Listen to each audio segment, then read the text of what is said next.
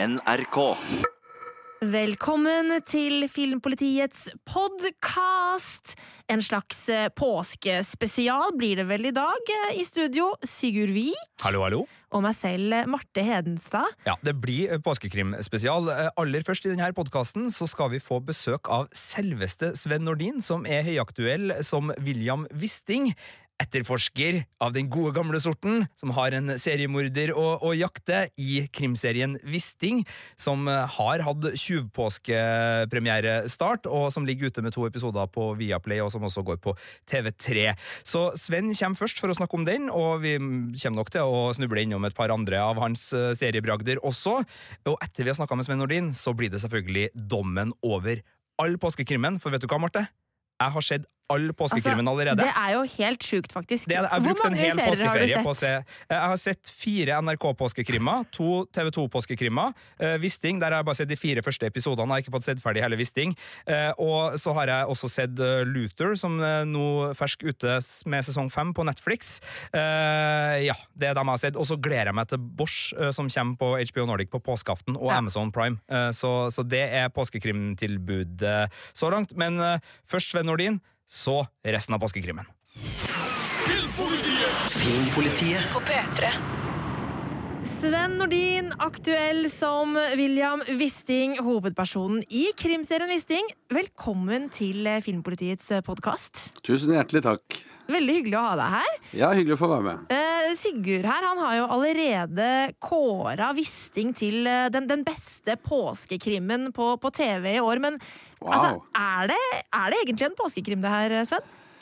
Ja, hvis man, hvis man går gjennom det jeg har sett av påskekrim, så kan jo påskekrim være mye. Denne her foregår jo Den begynner oppstarten sin rett før jul, altså sånn sett så er det vel, er det vel litt eh, annerledes. Men, eh, men den kan jo fint gå som en påskekrim, det syns jeg absolutt. Helligdag er helligdag, si. Ja, ja, for jeg tok den med i Vi har, vi har laga en sånn større samlesak om all påskekrimmen, og da, da syns jeg det var naturlig å ta den med der. Men det vil jo kanskje være sånn kverulanter der ute som vil si at ja, men den avsluttes ikke i påska. Nei. og og dermed, men, men den starter jo i påska. Man får jo liksom sett tre episoder i løpet av påska. Det, Det er det bra, man det. gjør, vet du. Jeg Ja. så noen andre som gjerne som, som sa et eller annet om at de gjerne skulle hatt hele serien i løpet av påsken, men det, det får dere ikke, altså. Eh, Jeg melder meg på i den klubben. Eh, Så, så kan du, hvis du, hvis du liksom noterer og tar tilbake til serieskaperne, så kan du eh, ta med meg òg i den.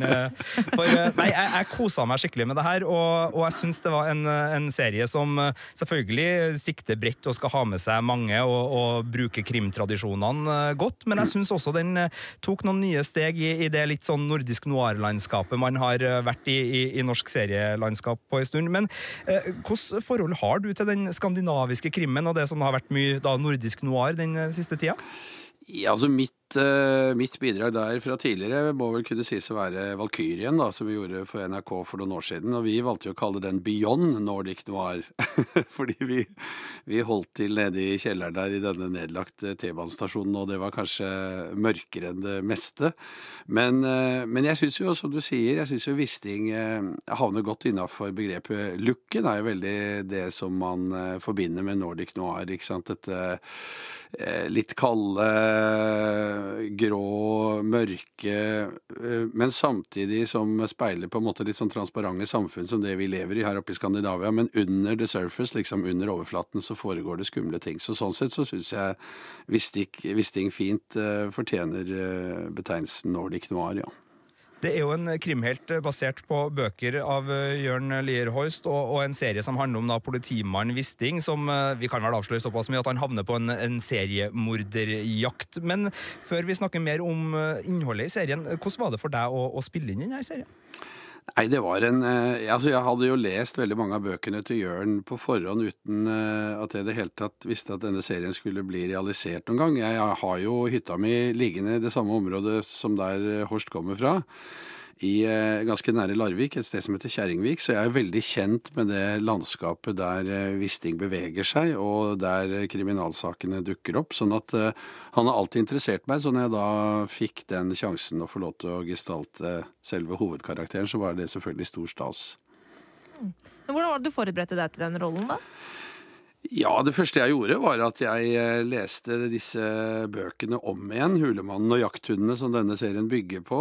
Og så leste jeg da manus etter hvert, og der fant jeg ut at de første forberedelsene jeg måtte gjøre, det var rett og slett å komme ned i vekt. fordi at Eh, selv om Wisting han er ikke noe sånn eh, operativ på den måten at han hele tiden løper rundt med pistol og, og, og, og jager eh, kriminelle, men, men, det er ganske mye fysikk i, i, serien, så jeg fant ut at det første jeg må gjøre for å ikke helt kunne klare å gjennomføre dette, det er at jeg må ned fra min trivselsvekt, som da på den tiden jeg fikk vite at jeg fikk rollen, lå på rundt sånn 115 kilo. Så jeg klarte å pine meg ned til under 90 Nei, under 100, mener jeg, til rundt 98 kilo. 17 kilo på tre måneder. Så det var den første forberedelsen. det er heftig opplegg. Ja.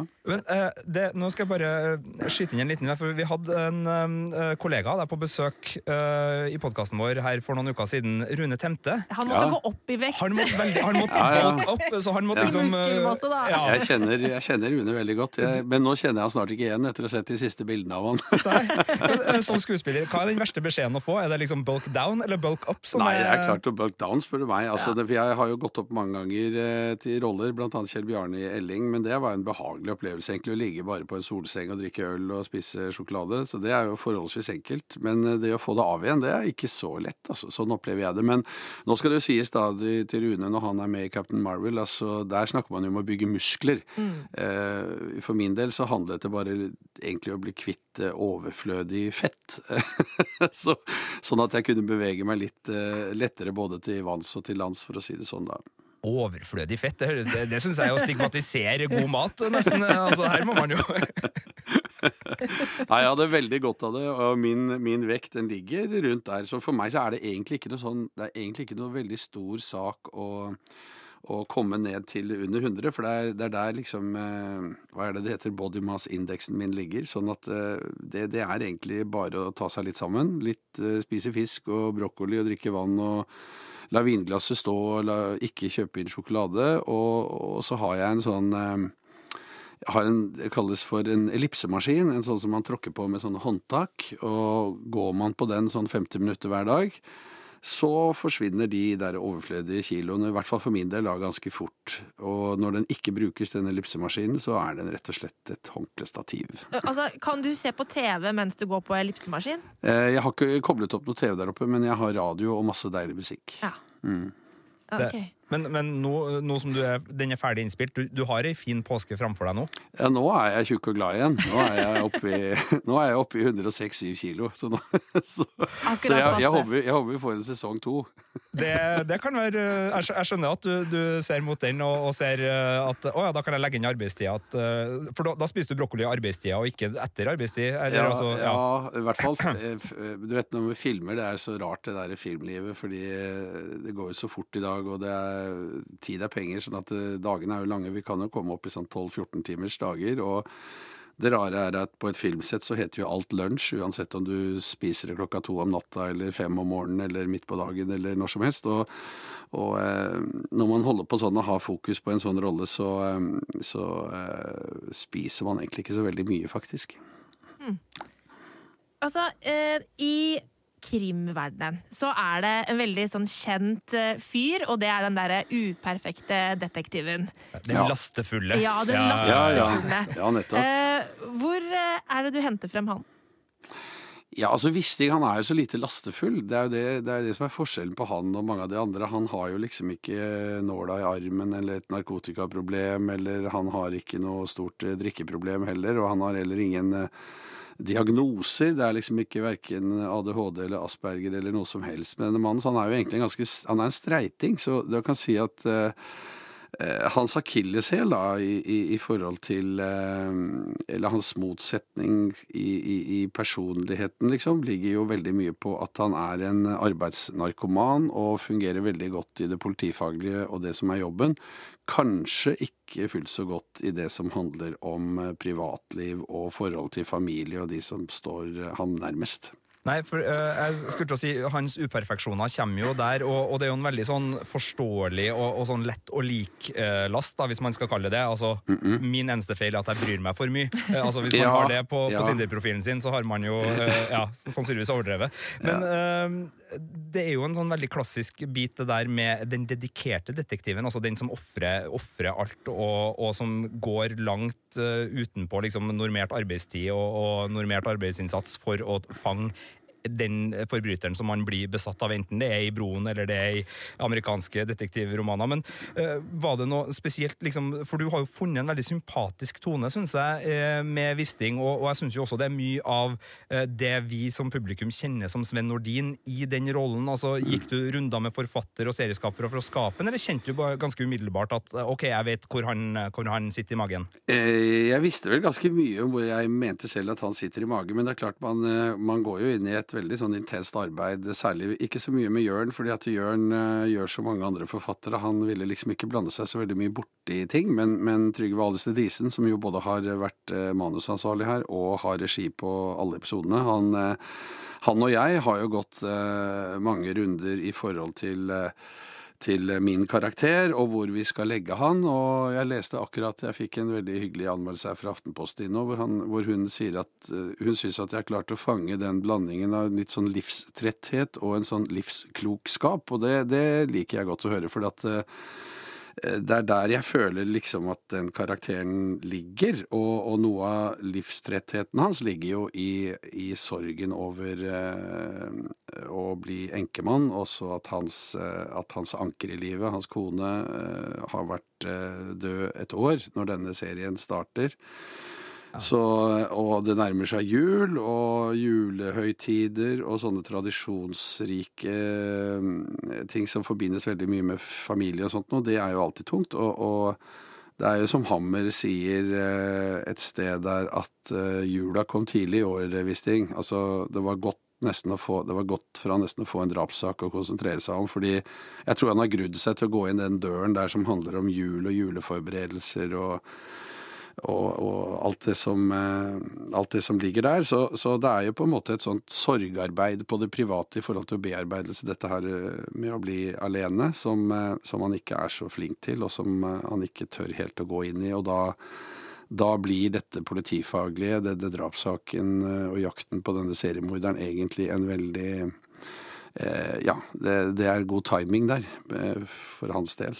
Ja, jeg må jo si, Den burde jo nesten komme med en liten sånn advarsel, den serien, for uten å avsløre for mye, så er det det er en scene her som gjør at jeg kommer til å gå inn i, i bærsanking og, og det å, å, ta vare på bærhøsten på helt annet vis. Det er tyttebærlokk, rett og slett, som, mm. som kommer til å, å, sørge for at mange får seg en liten smell, og det er helt nydelig gjort. Og det, det her syns jeg denne krimserien er god, da. Eh, fordi ja, den er ganske lik mange andre krimserier, og, og den handler om rollefigurer vi, vi kjenner igjen fra, fra, så mangt. Men det er de her små øyeblikkene hvor man kan liksom syne en litt dypere klangbunn og gi litt sånn emosjonell slagkraft og få noen sånne litt sånn hakaslepp-øyeblikk av nære, små detaljer som jeg syns uh, fungerer veldig godt i denne serien. I hvert fall i de fire første episodene da, som, som, pressen har fått tilgang til. Ja. Uh, og jeg, jeg syns også den går litt utenpå nordisk noir. Og nå skal jeg teste en ting på deg, fordi uh, det er veldig opptatt av overflate i, i norsk krimsjanger og i skandinavisk krimsjanger. Altså, vi har en veldig sånn arkitektur, kontrasten mellom natur og sivilisasjon. Det er veldig grått, det er veldig stilrent. Men jeg syns det er mer litt sånn Cohen-brødrene og litt sånn amerikansk fransk midtvest over at her får man kjenne på snøen. Altså I Wisting i Larvik så er det mer eh, dybde, og, og man er liksom mer i kulissene enn bare at de er et stilrent kulisselandskap som uh, lar rollefigurene uh, spille foran. Jeg vet ikke, uh, Hvordan jobba dere med det, og hva var dine tanker rundt den biten? Ja, det er jo som uh, Griffin, altså Carrie Ann Moss, sier når hun står der sammen med sin uh, eh, FBI-kollega, sier I told you to dress like Fargo. den, var, den, var, on the nose, den referansen i serien, men, men ja. jeg, jeg, jeg syns ja. altså den sitter i, i, i, jeg holdt på å si sømmen til serien. altså Den er ja. nesten sydd inn. Ja, og du kan jo si at uh, noen ganger så er man litt, uh, er man litt heldig der i, i, forhold til at uh, naturen spiller på lag, da. Eller altså at årstiden spiller på lag med deg. For den vinteren i fjor, når vi begynte å filme i januar og utover i mars og, og, og, og, vinteren i det hele tatt der, der fikk vi jo altså noen locations og noen settinger som som gir noe av dette helt gratis. Så, så, når du ser at vi virkelig slåss med elementene der, så gjør vi jo det. Altså det, var, det var jo meterhøy snø, det var iskalde netter med minus 25 kuldegrader. Eh, og vi filmer jo mye natt også, som dere sikkert kommer til å se litt mer av nå i den femte episoden. Eh, sånn at vi hadde ganske sånne tøffe fysiske utfordringer. Og det er jo noe man kan bake inn i både i karakteren sin og i spillet for øvrig. Altså eh, slitenheten, eh, det å kave i meterhøy snø, det gjør noe med pusten din, det gjør noe med intensiteten din, det gjør noe med slitenheten din, sånn at elementene på en eller annen måte fikk en helt sånn reell verdi her da, for oss. Og det, det fortsetter faktisk også utover i i eh, episode 6, 7, 8, 9 og 10, hvor, eh, hvor, vi forflytter oss mer og mer over i, i det som er romanen 'Jakthundene', hvor, hvor, årstiden er en helt annen. Men der fikk vi også veldig mye hjelp av av eh, naturen. Sånn at eh, det, det ble liksom en, en reell eh, hindring, og for så vidt noe som da ga en veldig fin, fin ramme til, til hele fortellingen. Det er jo uh, mer amerikansk med her. altså, Hvis jeg husker riktig, nå er det mulig jeg driter meg ut, men Trygve Alister Disen har vel uh, regissert en film som heter Red, mener jeg, så, men, uh, med Brian Cox og en hund, så han har jo erfaring fra, fra, det amerikanske, og ikke minst så dukker det opp noen skuespillere Eh, og ikke minst eh, en skuespiller som alle som var på kino i 99, og som kjøpte seg svart skinnfrakk etterpå. Altså, ja. Det er 20 år siden Matrix, ja, eh, og Carrie Ann Moss spiller i Wisting. Altså, jeg husker jeg så traileren for serien, jeg bare Oh my god, det er Carrie Ann Moss i en norsk TV-serie! Det her er jo helt vanvittig. Hvordan var det å, å spille med hun?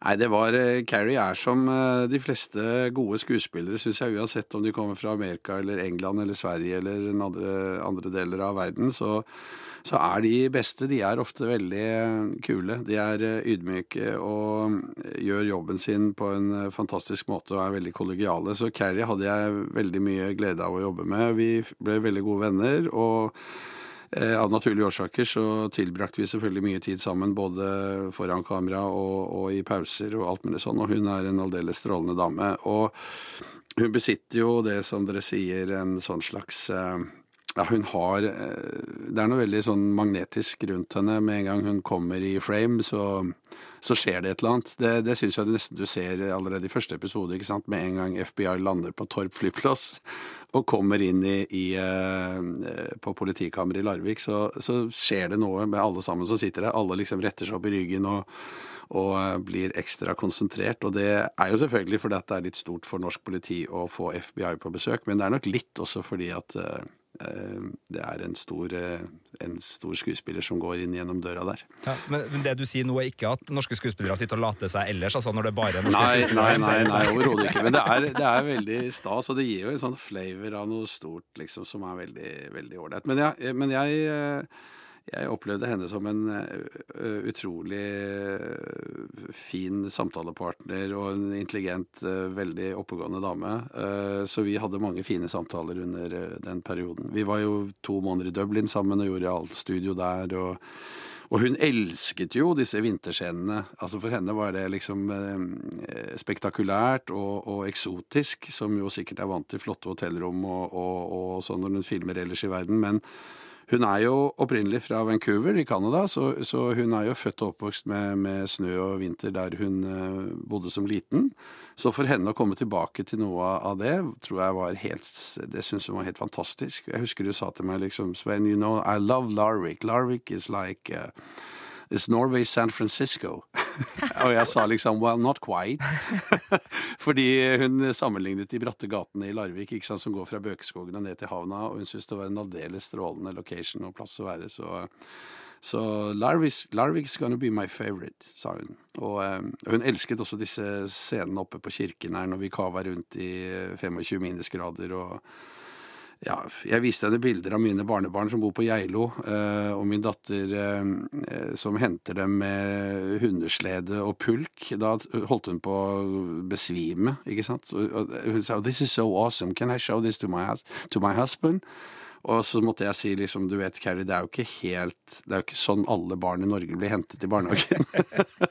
Men jeg syns det liksom var Altså noe av det der primitive, veldig ja, krispe vintertilværelsen, eller altså miljøet som vi var i hele tiden under den innspillingen, det, det, det likte hun veldig veldig godt. Ja, Nei, jeg må si Som TV-seer så, så, likte jeg også det veldig godt. Det gir både en sånn deilig eh, kulisse for liksom, seriemorderjakten, og det, det, det, at den snøen er der, det, det gjør seg. Men jeg syns også sånn estetikken i kameraføringa, den del kjøringa over vinterlandskapet her, som, spesielt når det trærekkene kommer, og sånn, som gjør at du føler at det er en ekstra, det gir en ekstra lag til serien. Da. Det føles enda mer velprodusert og enda mer gjennomtenkt, og, og gir noen uh, både stemninger og noen uh, konnotasjoner og, og, litt sånn som, som begeistrer. Altså. Det, det, det, likte jeg. Ja, og det tror jeg var en veldig stor glede. Nesten en forutsetning for Jørn Lier Horst. Altså at han ønsket seg at dette skulle spilles inn i hans uh, kjerneområde. Altså at vi ikke skulle gjøre disse tingene i Tsjekkia eller i Ungarn eller andre steder, men at det var liksom Larvik. Jeg mener Wallander satte Ystad på kartet, og det er veldig flott at det er Ystad, landskapet i Ystad som på en måte er eh, som er eh, stedet hvor ting utspiller seg, og det er det jo til og med i den engelske Wallander. Eh, med Kenneth Branagh så bruker de jo det der skånske landskapet, og det samme gjør vi her i, i Wisting. Så det er veldig gøy å få en norsk kriminalserie som på en måte bruker den eh, naturen som finnes der nede. Og jeg elsker den jo, for jeg har jo alle mine somre der nede. Og det er noe med disse svabergene og Mølen og rullesteinsbuktene og havet som kommer inn. Altså, og det er et landskap som ikke er så mye eksponert i norske TV-serier som, som, kanskje Vestlandet og alle de flotte fjordene og fjellene vi har ellers. Ja, for det blir ikke for slitt. Altså, det er så mange serier som bare tar et etableringsbilde og gjentar det og gjentar det, og det er selvfølgelig budsjettårsaker til det, og at det funker for at kanskje ikke så mange blant publikum egentlig bryr seg, så det, det vi bruker heller energien på, på, det som faktisk skal drive handlinga framover. Mm. Men her syns jeg eh, også den biten da er tatt veldig godt vare på. Så det, det gleder en serieentusiast vet du, i disse ja, ja, ja. Eh, serietider hvor man har så mye å velge mellom, og alt er av god kvalitet. Da må man liksom finne det der lille ekstra som gjør at man eh, Ja, det er jo sånn, og folk begynner å bli så blaserte etter hvert når vi har tilgang på så mye bra, så blir det jo sånn at det, den production value, eller hva man skal kalle det for, det, det, det spiller en viktig rolle. altså. Det, det gjør det helt klart. Så, og der syns jeg man ser at uh, altså Når man ser kameraføring, når man ser foto, når man ser lyssettingen, når man ser alle tingene Til og med altså bildene inne i politikammeret som er litt sånn uh, røyklagte og, og, dimme, liksom. Det, det, det, er jo på en måte litt det bildet man har av, av nordisk noir. da.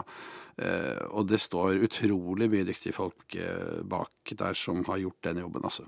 Det er som du sier at Man blir litt blasert fordi det er så utrolig masse innhold å velge i, og det er vanskelig å kanskje finne det du skal gidde å bruke, bruke tida di på. Mm. Eh, men du har jo vært i, i gamet lenge, som vi snakka om innledningsvis her. Har jo vært med på den der utviklingen fra eh, at alle benka seg rundt TV-skjermen en viss dag i uka, til at man kan bare se alt når som helst. Altså, mm. eh, hvordan har den utviklinga vært for deg som skuespiller? Nei, den har jo eh, Altså, si, jeg, vi, det er riktig som du sier. Jeg, jeg, begynte jo liksom med sånne ting som Rød snø på 80-tallet, midt på 80-tallet en gang. 85. Og da var det bare én kanal, og det var NRK. Og dette var samproduksjon med, med, med, Sverige. Eh, og det var en sånn snakkis som alle snakket om eh, dagen etter, altså eller på mandag på, på jobben. Og hele Norge satt benka for å se på Rød snø. Og den den hadde jo en, også en interessant eh, historie nettopp fordi at den handlet om okkupasjonstiden, og det fins vel ikke et, et, menneske i Norge som ikke har en eller annen tilknytning til den, via en onkel eller tante som har blitt eh, involvert i krigen på en eller annen måte. Så tematisk var den jo også veldig sånn falt rett inn. Men den er jo gjort på en utrolig enkel måte. Og så hadde vi jo på min tid, når jeg begynte som skuespiller, så var jo fjernsynsteatret veldig eh, en ting som eh, både var utskjelt, men elsket. Og det var jo rett og slett eh, stort sett studioproduksjoner som ble gjort i NRK, med, med store studiodekorasjoner og, og eh, noe av eksteriørtingene kunne til og med gjøres i studio, det også. Så det var et ganske sånn stilisert eh, TV-format som folk forholdt seg til på den tiden. Så den utviklingen har jo vært utrolig eh, Ja, altså den har, den har, gått fort, og den har, den har utviklet eh, norsk TV-drama, altså film- og TV-drama, helt fantastisk, syns jeg. Altså, for vi, vi satt jo en, i mange år og tenkte liksom ja, dette er sånn Hva med Vennerød? dårlige replikker, Eh, folk snakket i, eh, på en teatral, eh, kunstferdig måte. Og det hadde nok også å gjøre med at veldig mange av de som sto foran kamera den gangen, og som på en måte dominerte norsk film- og TV-virkelighet, det var jo, det var jo teater, rene teaterskuespillere, veldig mange. Og de hadde ikke noe, de hadde ikke noe trening. De, ikke, de kunne ikke nok om det formatet de skulle være i. Sånn at uh, faktene og utspillet ble i veldig stor grad uh, litt overdimensjonert i forhold til det å, å spille, spille, foran et kamera. Da. Altså dette her med å spille naturalistisk. Det var noe uh, veldig mange skuespillere ikke hadde noe særlig forhold til når jeg begynte i, i denne bransjen. Du fikk jo en enorm eh, publikumssuksess. Eh, hvordan var det for deg å være imot i brøstet, altså som skuespiller, sånn TV-skuespiller på den tida, eh, tidlig 90-tall? Hvordan opplevdes den suksessen og det å være på en av de store kanalene, og alle, alle så det jo? Ja, altså det var jo litt pionerarbeid det der, for det var jo den første sånn ordentlig norskproduserte, originale sitcomen som ble laget. Sånn at uh, jeg følte jo litt at jeg var med på et pionerarbeid. For meg så handlet det om at jeg, jeg var litt lei av å stå på scenen, rett og slett. Og når jeg da fikk det tilbudet om å, å, å, å bli med på noe som skulle være litt uh, nytt og spennende, så tenkte jeg det må jeg hoppe på. Og jeg trengte også lære litt mer om hva komedie i virkeligheten er for noe. Og da hadde jeg jo med meg to racere som Arve Oppsal og Nils Fugt. Jeg tenkte her er det mye å lære, så det var mye av motivasjonen for meg da, til å bli med. Men det er klart, eh, det ble veldig overveldende, fordi eh, som den første norskproduserte serien på TV 2 da, i 92, når Dan Børge Akerø tok over dette svære imperiet her, så så fikk jo den raskt utrolig mange seere. Jeg tror på mandagene så kunne vi ha opptil 800 000 som satt og, og benka seg foran TV-en for å se på Mot i brøstet. Og så gikk repisen på onsdag. Da satt, var det pinadø 600 000 som så den. Så man hadde jo følelsen av at det var 1,4 millioner nordmenn som eh, satt og kikka på deg hver, hver eh, uke. Så det var ganske overveldende, altså, det må jeg si. Og jeg skulle følge barna mine på turnstevner eller hvor det nå var, så ble man jo overfalt overalt med, med Så det var litt rock'n'roll-stemning. Det er kanskje den eneste gangen jeg har vært borti og følt på litt av hvordan det rock'n'roll-livet må være. Ja, for, det, eh, for, du har jo liksom TV-publikummet nå som er veldig sånn seriefans og har sine serier, men da var det jo uh, en hel nasjon, altså 1,4 millioner seere, hvis man skal bruke det tallet litt, altså det er jo, altså Hvis Wisting får de tallene, så får vel du uh, så mange kyss og klapp og klem fra, fra serieskaperne, ja, i hvert fall norske? Nå, er det, nå slippes det jo både Sverige og Danmark og Norge samtidig, altså totalt sett så kanskje ja. vi skal håpe på det, men bare her hjemme, det skjer ikke, tror jeg. Det, det, det er det ingen serier som oppnår i dag, sånne tall som det der. Det, det var helt vanvittig. altså. also. Men uh, du uh, var jo med videre og, opplevde den biten. Og så har du jo uh, vært jevn i produksjon. altså Nå tar vi på seriefokus her. Du har jo vært en filmskuespiller og en teaterstjerne også som har gjort det her, men i serie så har du jo vært med. Du har fulgt opp komibiten f.eks. hos Martin, og så har du vært med også på Lillehammer, som var en pionerserie litt der. Blå øgon, som jeg så deg, som jeg syns var en god svensk krimserie. Og ikke minst da Valkyrien og noe Wisting. Altså, hvordan syns du det er liksom å være skuespiller? Skuespiller i det skiftende landskapet? Altså, har serien fått en helt annen posisjon, eller liksom, føler du at det fremdeles er litt av det samme å være serieskuespiller som det var på, på 90-tallet? Nei, altså det som forandrer seg, det som har forandret seg som, som, som, jeg ser det rent sånn yrkesfaglig, er jo det at alle ledd er blitt så utrolig mye mer profesjonelle. Altså både måten vi jobber på, både Vi har fått en eh, filmskole på Lillehammer i løpet av de årene jeg har holdt på, hvor man ser at de som eh, kommer ut derfra, de sitter jo med en helt annen kunnskap, pluss at de er oppvokst i en tid hvor, eh, hvor eh, de visuelle mediene på en måte har eksplodert. Så jeg mener jo til altså mine egne døtre, som tvillingdøtre, som er 34, de, de, de forholder seg til helt annen, et helt annet tempo, en helt annen dramaturgi og virkelighet når de ser serier. De er mye raskere. de, de de, for, de forholder seg til, til eh, film og, og TV-drama på en helt annen måte enn det vi gamlisene gjør. Da. Sånn at det har vært en eh, rivende utvikling på alle mulige måter. Men, men det er jo det først jeg eh, først og fremst legger merke til, er at hele produksjonskjeden er blitt så sykt mye eh, mer kvalitetsbevisst og mer kunnskaps, eh, kunnskapsrik. Så alle de som betjener de tekniske tingene i film- og TV-verdenen i dag, det er superproffe folk. Eh, og de Enten du snakker om lyd, lys, kamera, settdesign, alt mulig, altså. Så, så det er liksom en det er, det, er en, det det, ligner, ligner kanskje mer i dag på det vi mente at Hollywood var i gamle dager for oss. da. Altså at vi har kommet opp på det nivået selv, og, og uh, lager uh, like gode, noen ganger til og med bedre ting enn det de gjør der borte. Ja, vi har jo hatt gode eksempler både fra Skam og, og, og Forbrytelsen yes. og Broen, og sånn som gjør at vi, vi har en veldig god sjøltillit som, som, nasjon. Men kanskje ikke bare som nasjon, for jeg lurer på i forlengelsen av det du sier, det at det kanskje er et litt mer sånn større skandinavisk miljø nå, hvor både seriene oppleves som våre hvis de kommer fra våre naboland, og eh, også at vi ser at det er mye samarbeid. altså Har det gjort at vi har fått et, en, blitt en større nasjon og også en større serie- og filmnasjon ved, ved de samarbeidene? Ja, helt klart. Altså det, det, ser man at eh, Jeg tror Skandinavia under ett eh, representerer en, en, en mye større jeg vil ikke si trussel, men altså en mye større eh, konkurrent i forhold til eh, resten av Europa og eh, verden for øvrig. Fordi at Norge, Sverige og Danmark, og Finland og Island også, jeg vil ta med Island nå, jeg satt og så på den islandske serien Innesperret her. Eh, har kommet opp på et, et nivå som, eh, som, gjør at vi faktisk utfordrer eh, veldig mye av det som lages rundt omkring. Og der har vi hatt stor glede av den utvekslingen som har vært. Du kan bare ta en dame som Tova Novotny f.eks., som helt sømløst beveger seg mellom svensk, norsk og dansk drama. Du har Jakob Oftebro som filmer og, og snakker eh, begge målfører, holdt jeg på å si.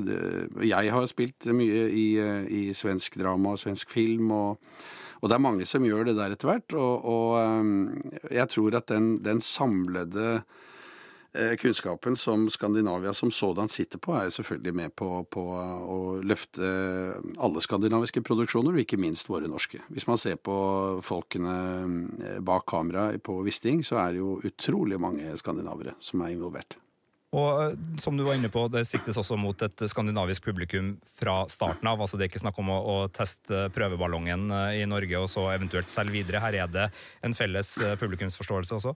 Ja, jeg tror det. altså. Jeg har inntrykk av det. altså at uh, Både svenskene og danskene er blitt mye mer interessert i norsk drama, og, og, og mange dansker jeg, eh, jeg, har jobbet med, med danske kollegaer som sier at ja, men det er jo i Norge de spennende tingene skjer nå. Det, det begynte kanskje med at danskene lå først, og de fikk masse Emmy-nominasjoner og priser og sånn. Og Sverige har jo på en måte alltid vært der som en sånn eh, eh filmland, eh, helt fra jeg håper å si Ingmar Bergman og framover. Men nå er liksom Norge oppe og hopper hopper eh, på det samme nivået og kommer opp med spennende formater kanskje før både Sverige og Danmark. Så, så jeg mener at den skandinaviske ånden da, som Henrik Ibsen snakket så fint om, for han var jo skandinavist på sin hals og ble rasende på sitt eget hjemland Norge fordi at Norge ikke ville støtte danskene i den tysk-danske krig. Og det var jo en av grunnene til at han utvandret og valgte å skrive de beste stykkene sine i Italia. Så jeg mener at den eh, skandinavismen, da, hvis man skal kunne kalle det den, er, den, er, den har vi alle veldig mye å vinne på. Og da skal vi være såpass til podkast at vi skal opplyse om at Ibsen på teater det har selvfølgelig også Sven Nordin spilt, sånn at vi ikke underkjenner nå her. Men eh, jeg har bare lyst til å spore tilbake til Vestavind. fordi når vi hadde Rune Temte på besøk, eh, ja. så eh, hadde Birger Vestmo, vår kjære kollega her i Filmpolitiet, plukka fram at hans første rolle var jernbanemann nummer tre. En statistrolle i, i Vestavind. Og da sa han at det var i ei scene sammen med deg, der du skulle fortelle en vits, og så måtte dere spille den inn på nytt og på nytt, så du måtte fortelle den vitsen ganske mange ganger. Ja. Har du sjanse til å huske hvilken vits det var? Nei, overhodet ikke. Jeg husker knapt nok at jeg var med i den serien, og det er sånn det er. Altså, det legger seg et sånt uh, alderdommelig slør overalt, så man så, så, det gjør jeg ikke. Jeg husker at jeg spilte jernbanemann, det husker jeg veldig godt. Ja. Eh, og var utro med Anne Krigsvold, husker jeg også. Det, var, det, ble, det, ble, stor forelskelse der når han, han skulle gå på lokførerkurs, den godeste karakteren min. Som jeg nå ikke husker hva jeg heter engang. Men jeg husker ikke det, altså. Nei, Nei, men da får det bli et mysterium, med mindre uh, enten jeg eller Marte da eh, setter oss ned og, og graver fram uh, Vestavind uh, og, og leter gjennom scener der vi finner deg og Rune Tente sammen, og prøver å finne Det skal jo ligge i NRKs ja, arkiver. Det ligger det, ja, ja, ja. Men det er en deilig dag å være, være serietitter, eh, Sven. Det er jo så masse som man kan uh, fordype seg i. Men uh, som publikummer, hva, hva, er det, hva, er det, du titter på? Hvordan serietitter er du? Ja, altså, jeg er vel egentlig litt sånn i, i, uh, i Wisting-land, jeg, fordi at jeg er veldig glad i sånn klassisk detektiv, krim, uh, mye BBC, altså engelskprodusert, uh, ting som Broadchurch, Vera er jeg veldig glad i. Sesong ni kommer nå på NRK i påska. Ja, veldig bra. Og, og, så jeg liker, og jeg liker Beck, jeg liker Wallander, jeg, jeg liker Jeg liker sånne litt langsomme, detaljerte detaljerte serier hvor man på en måte som seer også kan være med litt og prøve, tenker jeg. Ja, Det er vel egentlig den gode gamle Agatha Christie-tradisjonen, kan man si sånn sett. da. Så jeg har jo likt sånne påskekrim med Adam Daglish og Foyle og alle disse her som ble sendt på, på norsk TV i påsken når jeg var litt yngre. Så jeg, jeg, liker, den, jeg liker, den, litt langsomme, møysommelige oppbyggingen. Eh, jeg syns noen ganger at det kan bli vel mye skuddsikre vester og delta og maskingeværer, og at alt skal ende med et smell, liksom. Eh, og jeg liker den der tause vitner, liker jeg veldig godt. Eh, så jeg, eh, så jeg, jeg, jeg heller nok litt mot den der britiske krimtradisjonen, tror jeg. Jeg må jo spørre deg, for På TV2 i påska, eh, på langfredag og påskeaften, så skal jo eh, den nye Poirot sendes. Altså The ABC Murders, en nyinnspilling der hvor John Malkovich ja. skal ta over Poirot-rollen. Eh, ja. Ser du fram mot å se en ny Poirot, eller har du altså, et visst nostalgisk eh, forhold? Ja, det har jeg absolutt. David Sushes det er liksom det, altså, Han er jo Poirot. Altså, det kan jo ikke bli noen andre sånn, tenker jeg. Altså, det er enda skumlere når folk spør meg hvordan er det å liksom eh, Eh, skulle gjøre William Wisting, som veldig mange liksom har et forhold til inni hodet sitt gjennom bøkene til Jørn, men, men eh, det må jo være enda verre for Malkovich, som er en strålende skuespiller for øvrig, eh, å ta over etter David Sushit. Vet du hva de i tillegg har gjort? De har endra backstoryen, så de har også endra i Agatha Christie-romanen. Oi, oi, oi. Det, det, ja, jeg, jeg, jeg, skal, jeg, skal, si mer om det om litt, men det skal, skal Sven Nordin slippe å, å høre meg rante om.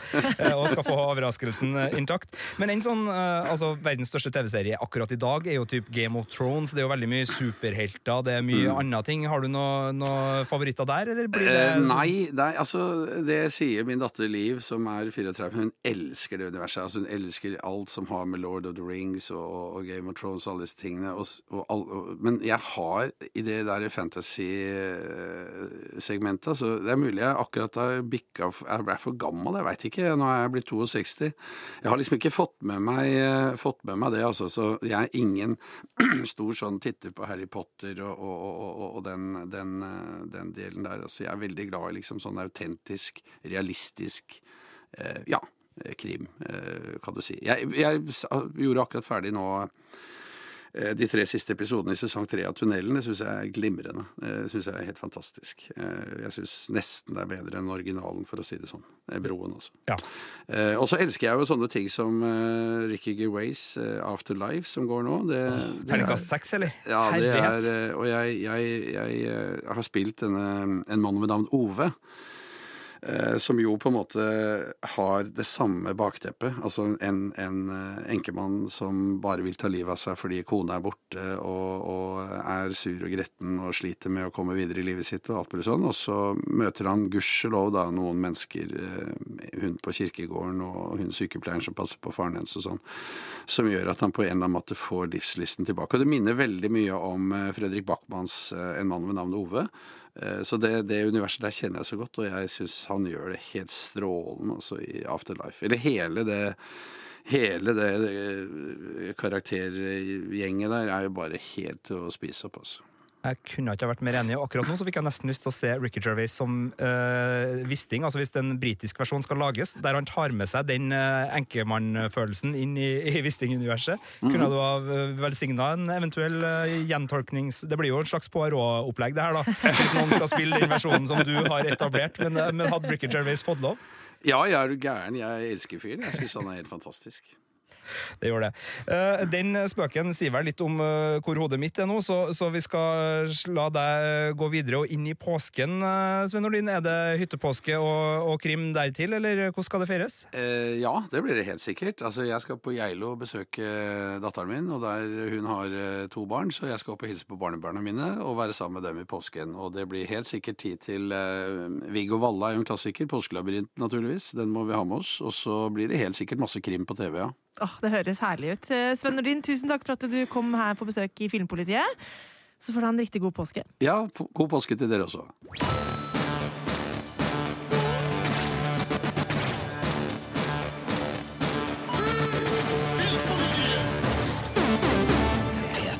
Og da skal vi over til det som går på eh, TV i påska. Og da kan vi jo litt godt, godt eh, begynne med Wisting, da, Sigurd, som jeg nevnte innledningsvis i podkasten her. Så du har kåra den til det beste på, på, TV i påska? Eller den beste påskekrimmen, i hvert fall.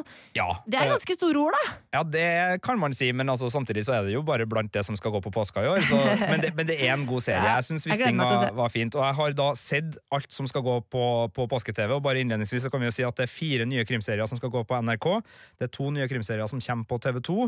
Eh, og så er det Wisting, da, som går på både TV3 og Viaplay, men som ikke blir ferdig i påska. Det er viktig å merke seg. Så for dem som mener mm. at påskekrim må bli ferdig i løpet av påska, så er ikke Wisting det, men den starter veldig godt. Det er krim eh, som er går krim. på TV i påska. Ja. ja. Eh, og så er det også sånn at Netflix har sluppet en ny sesong av Luther, som jeg har sett. Kom akkurat. Sesong fem der. Og så skal jeg bare tipse om en serie som kommer på Amazon Prime og, og HBO Nordic, som jeg ikke har fått sett den nye sesongen av, men som er en av mine favoritter men den kommer helt til slutt. Okay. Men uh, ja, jeg syns den beste av uh, krimseriene som har premiere nå i disse dager, er Wisting.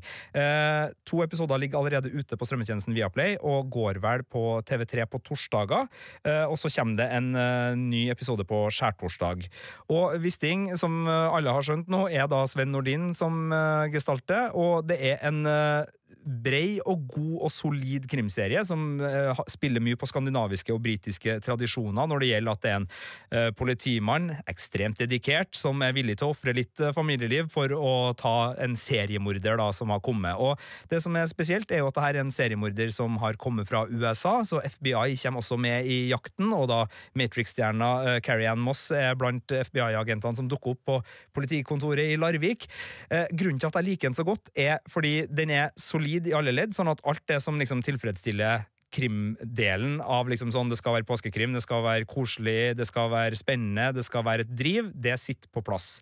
Uh, og det som gjør den ekstra god, er for det første så har uh, regissør Trygve Alistair Diesen gjort en formidabel jobb med det lille ekstra. Altså, det her er flott flotte oversiktsbilder, eh, snødekte juletrelandskap, for det her er i, førjulstida det, det, starter, i hvert fall, eh, som, som liksom Cohen-brødrene eller Wes Anderson kunne ha funnet på og, og hatt i sin film.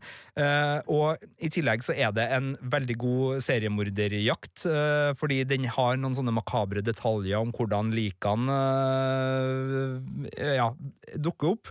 Det er unge kvinner, selvfølgelig, som er offeret her. Det er òg ganske tradisjonell, but of course. Men men, men eh, det, er, det, er, liksom tettstrekk der. Og så er det ikke bare politiet som er på sporet. To journalister, en fra Dagbladet og en fra VG. VG-journalisten er også dattera til Wisting, så her er det liksom flere litt sånn såpete uh, plott som gjør at vi nøster historier altså i krimplottet fra flere, ulike sider, og det, det, kommer sammen på, på, ganske godt vis, ganske sånn kjapt. Så det er ikke en serie som dveler og prioriterer stemninga for lenge, men den har nok av de dryppene til at den får et ekstra lag da, og blir en Eh, litt mer sånn kvalitetsserie enn de andre Viaplay-originalene. For det har vært et lite problem synes jeg, med Viaplay sine originalserier. Rigg 45 osv. Det er klassiske spenningshistorier og krimhistorier, men det har liksom vært for enkelt i produksjonsleddet. Det har liksom vært sånn ok, det foregår på en oljeplattform, da begynner vi med et bilde av en oljeplattform, og så går vi rett inn. Her er miljøskildringene mye bedre, her er det mye mer forseggjort, og så er jo Sven Nordin da en, et nærvær som både gir en karisma til serien og et gravitas, hvis man kan bruke det, eller en gravitasjonskraft. Og sammen med Carrie Ann Moss så syns jeg det samspillet funker godt, og det funker også fordi de eh, sånne ting som eh, Du, ta med et kamera og film som Nei, vi kan ikke filme folk, det er norsk politi der. Du, eh, vi må ha våpen. Nei, vi kan ikke bevæpne oss, det er norsk politi. Så serien leker litt da med ja. disse forskjellene på amerikansk og norsk krim, mm. og også liksom vårt forhold til fiksjonstroverdigheten. For hvis du sitter og ser på en CSI-episode, Marte, ja, da, altså, er du altså- veldig opptatt av fiksjonstroverdighet da? Nei, eller altså troverdighet? Der er jo ingenting troverdig. Der, der, er det jo helt lattervekkende hvor, hvor, lite troverdig det er. Men hvis du ser på en norsk uh, serie som kanskje har med journalister Ja? Det er et veldig godt poeng, fordi uh, altså, jeg kan uh, Jeg husker da CSI Miami gikk. Altså, jeg kosa meg med CSI Miami og bare Horatio og alle de der one-linerne han dro. Det var bare så gøy. og det er jo en tulleserie. Eh, men hvis en norsk serie hadde gjort det samme, så hadde jeg jo hata det. Eh, det er et eller annet med for når det er sånn det blir, det blir for nærme, du, du veit hvordan måte, det er, og da klarer du ikke å måte, drømme deg bort i samme grad. Da. Så kanskje realisme blir enda viktigere her enn kanskje på amerikanske serier, da. Ja, i hvert fall unngåelsen av sånne cringe-øyeblikk ja. hvor enten replikker eller handlinger blir sånn ja, Man godtar ganske mye når det er eh, amerikansk av en eller annen grunn. Det er ja. vel fordi det er litt lenger unna oss. Og Wisting, som har mye amerikansk i seg, leker litt med den greia. Mm. da, så Det er mulig at jeg bare vil at altså at jeg tolker for mye inn i det. Selvfølgelig kan det være det, men jeg, syns den hadde et lite sånn høflig nikk da, ja. til, til, veldig serievante og krimvante seere, som da får et litt ekstra. Så uh, det er ikke verdens beste krimserie, det her. Den har noen svakheter, og spesielt journalistplottet kan rufse litt, og det er en del sånne tilfeldigheter som ikke funker, og den lener seg hardt på klisjeer. Så hvis du er veldig sånn seriestappmett på krimfronten, og kun liksom har tålmodighet til Sherlock og Luther og et par andre sånn, kanskje True Detective, altså hvis det er der du ligger lista, og du syns liksom alt annet blir ting du har sett før, så er ikke Wisting nødvendigvis for deg. Men hvis du liker krim, liker øh, den følelsen du får av noe som er kjent og kjært, men allikevel nytt, eller du bare digger bøkene til Jørn Lierhoist, så er, Jørn så er Wisting øh, bunnsolid, og jeg likte den øh, veldig godt. Og jeg syns det var fælt å bare få fire episoder til påsyn. Uh, Sutrete journalist her. Jeg skulle gjerne ha sett mer, og jeg kjenner at jeg gleder meg veldig til å få se flere episoder her, sjøl om det blir etter påske jeg får gjort det, da. Så Årets beste påskekrim Wisting. Filmpolitiet.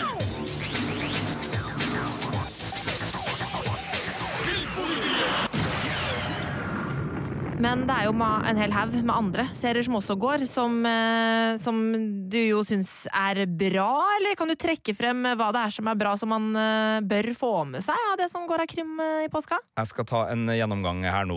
Altså, NRK leverer mest. De leverer fire krimserier. Av dem så er tre britisk, og to starter begge med at en maskinfører finner et lik. Så originaliteten i NRKs rammeverk er ikke så veldig stor på den fronten. Men for liksom påskepuristene journalistene som eh, vil at alt skal være sånn som det var i fjor, og som har liksom tradisjoner for å se påskekrim på hytta og sånn, så får de dosen sin av NRK.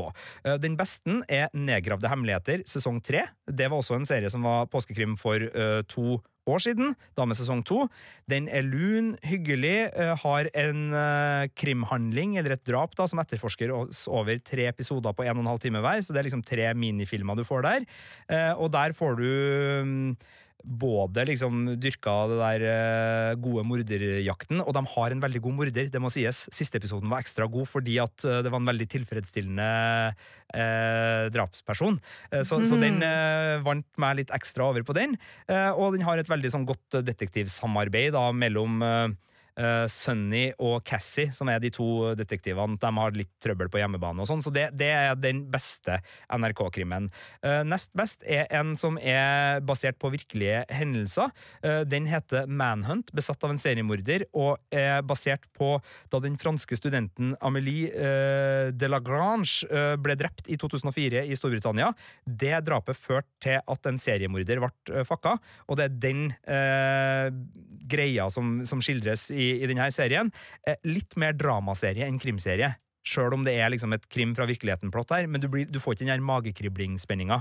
Men, men, den er solid, og hvis du liksom liker samfunnslærebiten og litt sånn true crime-vibber, så er uh, Manhunt uh, god.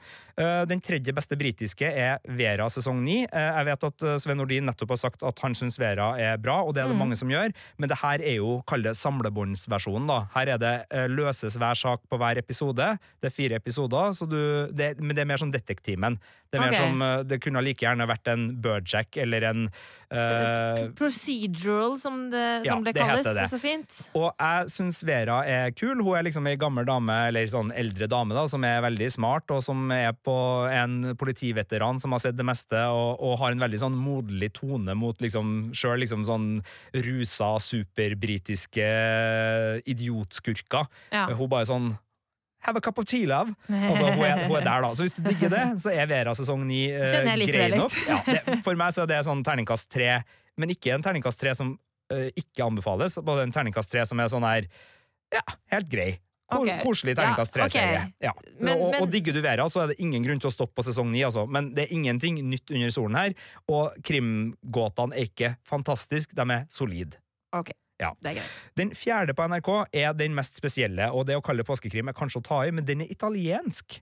Den heter Mirakelet, eh, og har en del sånn religiøse og storpolitiske og mafiaforbindelser som eh, gjør den litt sånn snedig. Eh, jeg har vist deg et bilde fra den serien, Marte, av en mann som sitter i det som Å, er herregud, Det ser ut som at han sitter i en sånn blanding av gjørme og blod. Helt Ja, naken. Du er snill å si gjørme. Jeg kunne ha sagt avføring og blod. Eller det. Ja, Jeg, jeg, den- jeg Den her ikke er ikke for de med, med dårlig mage. Altså, det her er en veldig spesiell serie som på sitt beste er helt nydelig. Den handler annet om den italienske statsministeren og en blødende jomfru Maria-statue og en helt forferdelig prest. Og en mafiafamilie. Eh, og den har noen sånn religiøse overtoner som går inn på liksom det overnaturlige, uten at den bare er der.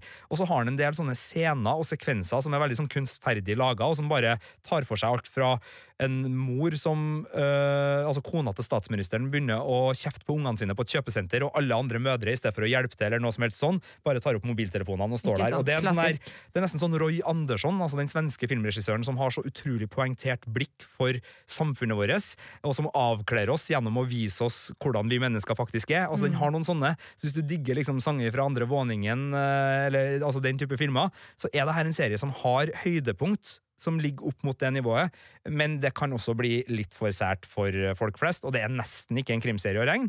Men alle de her seriene legges ut på NRK TV på fredag 12. april, eh, og så går de til litt ulike tidspunkt på NRK lineær-TV, så hvis du er på en plass der du ikke har nett og vil se på TV-TV, eh, så sjekk eh, TV-guiden for NRKs serier. De, går til, de, de dekker hele påska, så du har alltid en eh, påskekrim å kose deg med der. Men din eh, favoritt utenom, eh, utenom eh, Wisting har, Du har jo sett alt! Altså, Hva skal du gjøre i påska? Altså, eh, jeg tenkte sånn, Skal jeg spørre deg, ja, Hva er din favoritt som du skal se? Nei, du har allerede sett alt! Jeg har jo det, og jeg har også sett TV2 sine.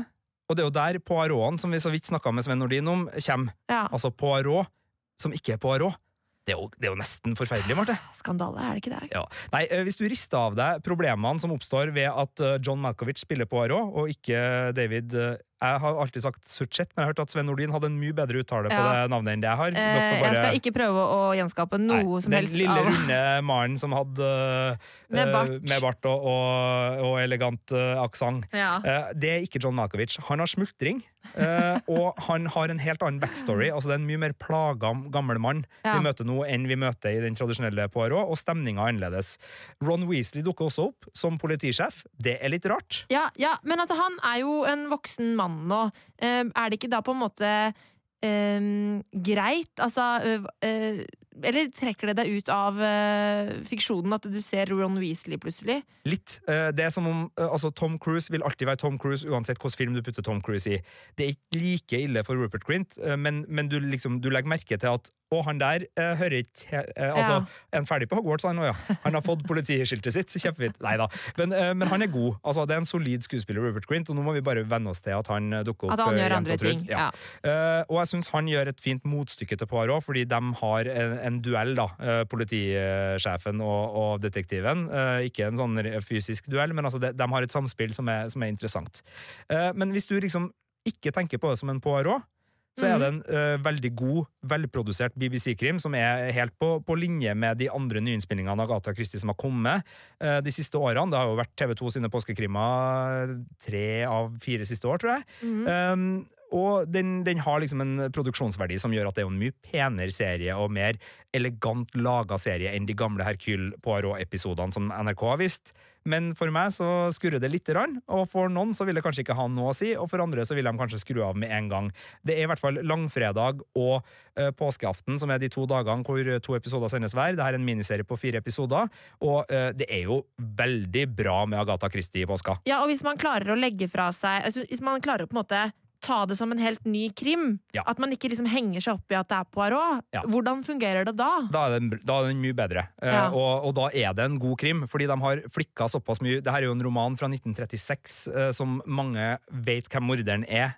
I, eh, Mm. Men de har flikka en del på manuset, også ikke bare på Poirots bakgrunnshistorie. Så sjøl om eh, elementene er de samme, altså her er det en eh, alfabetmorder som utfordrer Hercule Poirot til et spill der han dreper en person som har et navn som begynner på A, et etternavn som begynner på A, i en by som begynner på A, på en togstasjon som begynner på A.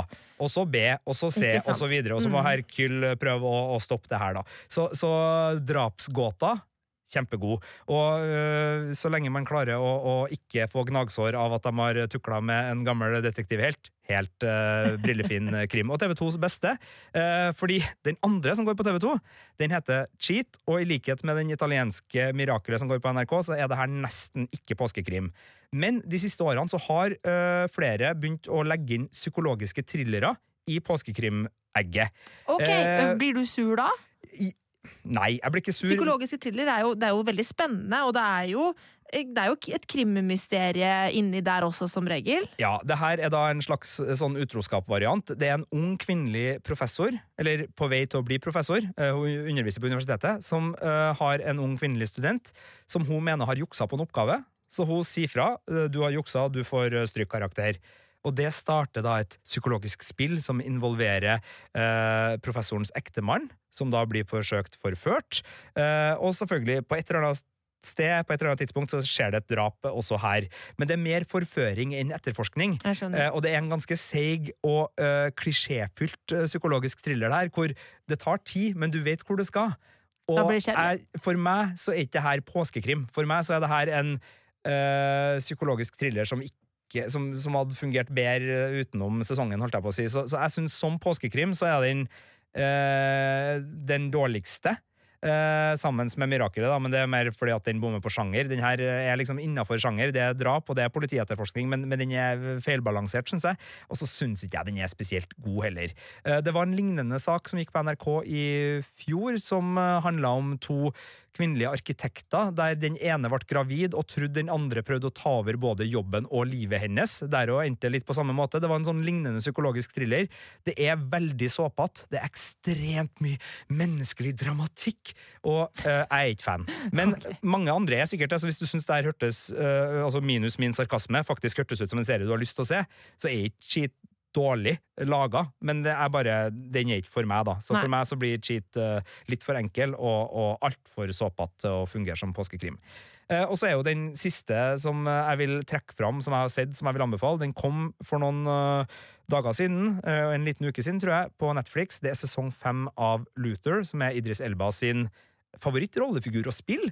Og også en av våre favorittdetektiver. Vi kan vel si det, Marte? Ja, altså, det er jo Altså, jeg digger jo Idris Elba. Han er jo så utrolig dyktig skuespiller, og han gjør jo en fantastisk figur med Luther. Eh, og alt jeg har sett av Luther, har jo vært bra. Jeg har aldri kjeda meg med, med, den serien. Nei, er ikke, altså den er litt på overtid nå. Det var han også i sesong fire, som bare hadde to episoder, og som kom for uh, halvannet år siden, var det vel? Eller var det ja, til, etter jul i fjor, tror jeg. Uh, den her er også litt sånn fordi det er de samme gamle fiendene som dukker opp igjen for en ny runde. Og det at serien ikke klarer å begrave dem og skaffe uh, noen nye, Eh, Sherlock var bedre der, men hadde litt av det samme problemet. Altså, du blir aldri kvitt Moriarty. Det er jo bra på et psykologisk plan, fordi man vil jo at det skal være noen varige sår, men uh, de beste seriene klarer jo å ta vare på sårene uten å slite ut skurken, og også da fylle på på skurkesida. Det er en herlig makaber skurkejakt som er ny også i Luther sesong fem, uh, men uh, den Altså, det er mer sånn fanservice for dem som er opptatt av hvordan det skal gå med DCI Luther enn ja, okay. for dem som liksom får en helt ny så, så, du kan ikke bare se sesong fem. Du må nesten ha sett sesong én, to, tre, fire for å få fullt utbytte de sier opp til 90, å helvete. Sesam stasjon er neste stopp, og der skal Marte Hedenstad av.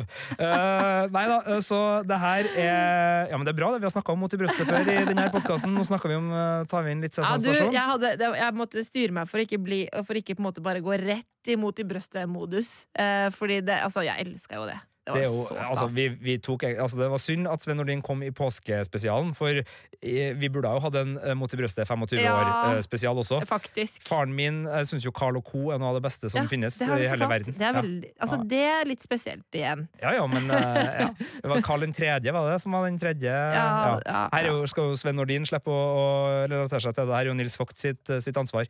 Men jeg, jeg, jeg, er glad i Carl Reverud. Jeg syns Carl Reverud er artig. Jeg synes det at han hadde med seg sjølve selveste Eldar Vågan fra Vazelina Billopphuggers litt utover der, og ja, Hilde Lyron god. Ja, det er mye, mye, mye fint der.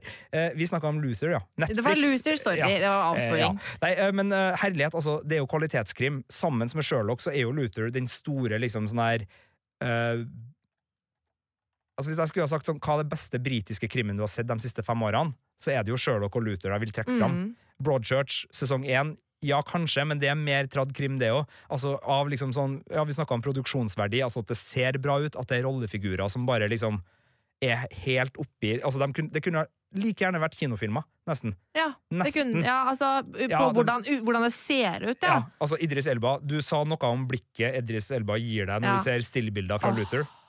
Det, er, eh, det, det, det griper deg med en gang. Det er sånn nesten frysninger. Ja, Det er helt vanvittig, og jeg skjønner godt at Idris Elba liker den rollefiguren og, og dermed kommer tilbake, men det virker ikke som, som altså Det er ikke Luther på sitt aller aller beste. Det er sesong 1 til 3, men sesong 4 og 5 funker for fansen, og det, det er digg å se det. Men det er litt sånn som når jeg ser South Park nå. Det er ikke det det en gang var, så det er litt vondt òg. Men samtidig så er det fremdeles dritbra, og jeg elsker det, og det er liksom min greie, så jeg koser meg så mye med det og, og syns det er fantastisk. Den siste serien jeg vil bare trekke fram, uh, er en serie jeg ikke har fått sett enda, fordi vi har ikke fått uh, anmeldereksemplarer. Uh, men påskeaften, 20. april, da kommer Bosch sesong 5 på både Amazon Prime og HBO Nordic. Eh, Jeg har elska sesong 1 til 4. Jeg har lest alle 21 bøkene om Harry Bosch. Det er Michael Connolly sin Å, du har lest òg? Det visste jeg Eh, ikke. Lydbok, ja. Lydbok, Ja ja, men det, Ja, ja, ja, ja. Du, det er jo hvert fall det er jo, det er jo lest på et vis. Jeg Skal være eh, helt åpen. Jeg skal rette en stor takk til kollega Asbjørn Slettemark, som da sesong én av Bosch kom, sa til meg at jeg burde sjekke ut de bøkene. Eh, Det begynte jeg med da, og har eh, pløyd gjennom alt eh, og storkosa meg med det. Det er en sånn hardkokt detektiv som digger jazz, og som lever etter mottoet alle teller, ellers så teller ingen. Så det er liksom ingen fare for at en forfremmelse skal liksom få han til å slutte å være på de svake side. Han er alltid på underdogens side. Jeg har ikke sett det! Jeg har ikke sett en episode, altså. Nei, eh, liker du uh, hardkokt politikrim, så er Bosch for deg, men hvis, du liksom, hvis det er en sjanger For det her er Los Angeles, det er liksom ikke britisk krim, det er Los Angeles, men det er seriemordere som jaktes på, og det er historier som går over uh, ti episoder. Han har ei datter som han er aleneforsørger til, så du har litt sånn uh, dramatikk på, på privaten. Han har gode kollegaer, det er skuespillere fra The Wire som dukker opp her, Titus Welliver, kjent blant annet fra Sons of Anarchy og Deadwood, fantastisk skuespiller, som også har lest inn lydbøkene i de siste utgavene av, av det. Så det her er bunnsolid, og eh, det her er også et fiksjonsunivers som går inn i eh, en eh, bok, og for så vidt også en film, som heter The Lincoln Lawyer, som eh, Matthew McConaughey, der han spiller broren til Harry Bosch, for han er advokat. Eh, så så fiksjonsuniverset, ja, det er samme fiksjonsuniverset, Ja, og det, det, det er kult, og det er kul dialog, det er hardt slående, og så er det moralsk meget tvilsomt. Han er en sånn antihelt som alltid treffer der du liksom ikke føler at det er helt tilfredsstillende å være, fordi at du vet at sånn, ja ok, han gjorde noe bra nå, men jeg, kan, jeg kan ikke godta den metoden. Så i likhet med liksom Batman på sitt beste under Christopher Nolan, Ja. så er det her liksom sånn, den treffer akkurat der det svir litt da, i, i det moralske landskapet. Altså Han er antihelten som eh, du liker at bøyer reglene, men du tror at det skal gå bra, og at det ikke skal få noen konsekvenser. Men det gjør det, av og til. Og, og det syns jeg er kult, da, at en serie tørs å være ubehagelig også for seeren. Tørs å ikke gi publikummet sitt akkurat det de vil ha. Men jeg har ikke sett sesong fem, jeg har bare sett sesong 1 til 4 og lest alle 21 bøkene, så det er jo ikke sikkert det her blir bra. Plutselig så blir det helt ut av det blå dritdårlig. Hvem vet? Men vet du hva? Den kommer ut på bursdagen min, så jeg krysser fingra for at jeg får en deilig, deilig deilig påskekrimbursdag med den eneste påskekrimmen jeg ikke har sett ennå. Det er litt trist å ikke ha igjen noe påskekrim til påskeferie. Så det er den Ja, når har du bursdag? 20. april. Men ja, ok, Da skal du jeg- vente til da? Nei, jeg får jo ikke sett den uh, nå før. Altså, Ah, okay. hele, altså, jeg kan binche. Ja, den, sånn, den pleier å komme hele greia. Ja, okay, okay, ok, Så uansett om det kommer noe Ja, kanskje, Ja. Hvis, det, kanskje hvis det kommer noen anmelderkopier, at jeg begynner å se at jeg ikke klarer å vente. Og, At det kan være. Jeg er ikke så flink til å spare på ting. Påskeegget er også spist opp. Nei Men uh, det var dommen og forventningene og forhåpningene til årets påskekrim. Uh, tusen takk til Sven Nordin som tok seg tida til en grundig Wisting-prat. Og Wisting, som sagt, årets beste påskekrim av det jeg har sett. Også bedre enn Luther sesong 5, fordi Luther sesong 5 har sine svakheter. Sjøl om fanboyen i meg da koser seg veldig mye okay, med det. Men da skal jeg se Wisting, og så skal jeg binge Luther innimellom. Ja. Skal du ikke sjekke ut den nye Poironen til John Malkovich på TV2? Skal du ikke se 'Nedgravde hemmeligheter', som er den beste påskekrimmen på NRK? Altså, altså det Marte Altså, jeg Harry Potter Hedenstad, nå må du skjerpe deg! It's too much! Altså, nei, jeg skal se Ok, jeg kan begynne på Bosch. Sesong én? Ja, jeg har ikke sett en dritt! Ja, ja, ja. Det er grenser for altså, Eller du er sånn som, eh, som på en måte eh, eh, skal se absolutt alt. Altså, jeg har òg tenkt til å bruke påska på å gå tur, eh, drikke øl i sola, for det er meldt fint vær. Jeg kan ikke bare sitte inne hele tiden, selv om jeg selvfølgelig òg skal se mye TV-serier. Så må jeg òg på en måte Så jeg må velge ut noen, og da tenker jeg at det blir Da blir det Wisting, det blir Loser, og så, og så kanskje litt Bosch eh, på sida. Ja, og det er sånn som vi sier, for det er podkast og vi er an, eh, betalt for å si sånne ting. Men uh, Marte Enstad, sånn, eh, i realiteten så kommer jo Harry Potter på mandagen. Eh, nei, Harry Potter, Harry. Game, of- Game of Thrones kommer Ja, på men det er jo bare én episode. Ja, så du skal bare se den én gang, liksom? Nei, jeg skal, jeg skal jo se den to ganger, da. Ja, også, men det er jo bare to timer Ja. ut av en du, hel Jeg tror uh, du kommer til å havne i Game of Thrones-tåka. Og apropos Ja. Game of Thrones Ja, vi har jo hatt en liveinnspilling av podkasten på John D i Oslo. Game of Thrones-podkasten live! Sjekk det ut. Eh, Det var Sigurd og meg som hadde finfint selskap på scenen av eh, Ronny Brede Aase og Hasse Hope, som begge er store Game of Thrones-fans. Eh, Og det hele ble innledet av eh, en herlig kvartett fra KORK som spilte Game of Thrones-musikk for oss, og så ble det avsluttet av eh, P3-artisten Score, som covrer The Rains of Castamere, og det er bare magisk. Ok, så påska på TV er Game of Thrones, finalesesongen. Verdens største TV-serie skal avsluttes. Wisting, dritkul norsk ny krimserie. Ny sesong av Luther på Netflix. Harry Bosch kommer tilbake til Amazon Prime og HBO Nordic. Du får masse britisk solid krim på NRK, og du får en splitter ny John Malkovich Poirot på TV2. What a time to be alive, Marte Hedenstad! Er det ikke herlig? Og så skal det gås en skitur og tas en utepils i tillegg. Ja ja, det her går unna, ikke noe problem. Eh, hvis du liker Filmpolitiet sin podkast, eh, gi oss gjerne en rating der du hører på podkastene dine. Eh, eventuelt send oss en e-post hvis det er noe du lurer på eller vil at vi skal snakke om, eller har ris eller ros til filmpolitiet alfakrøll.nrk.no. Vi er på Instagram. Eh, NRK Filmpolitiet heter vi der. Der kan du se bilder fra Game of Thrones-showet, blant annet. Det Og vet du hva? Jeg sier det nå, jeg. Jeg legger ut litt eh, krimbilder, sånn at dere kan få et litt sånn ekstra inntrykk av hva det er dere skal få se fremover. Så en bildekarusell med påskekrimmen, den skal også ligge der når du hører denne podkasten. Eh, god påske, eller? Ja, god påske. Filmpolitiet På P3.